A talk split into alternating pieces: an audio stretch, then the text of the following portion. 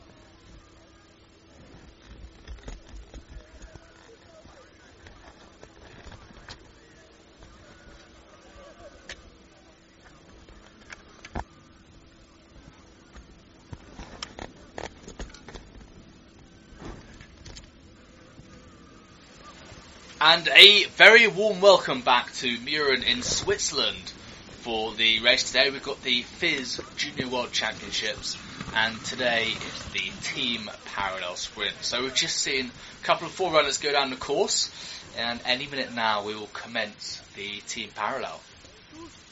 So in case you missed the action this morning, we had the World Cup Finals team parallel, but this afternoon it's the juniors who'll be in the spotlight. All the junior racers will be coming down. It's a team between, it's a competition between the nations even, so we'll see nations battling out head to head. And uh, the teams are made up of three individuals. They have to have one lady and two men on the team, or two ladies and a man, but they must have a lady on the team. So just a quick recap on Mürren. Um, it happens to be one of the highest winter sports resorts in the Swiss canton of Bern, 1,650 metres above sea level, making for fantastic snow here, as you can see on your screen. We're being blessed with great snow. The weather, the visibility, not quite so good today.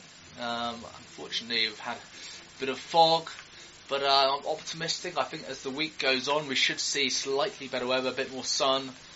But um, of course, being in Mürren, we are in the home of the world famous Inferno race, the world's biggest, oldest amateur ski race. Started in 1928, 50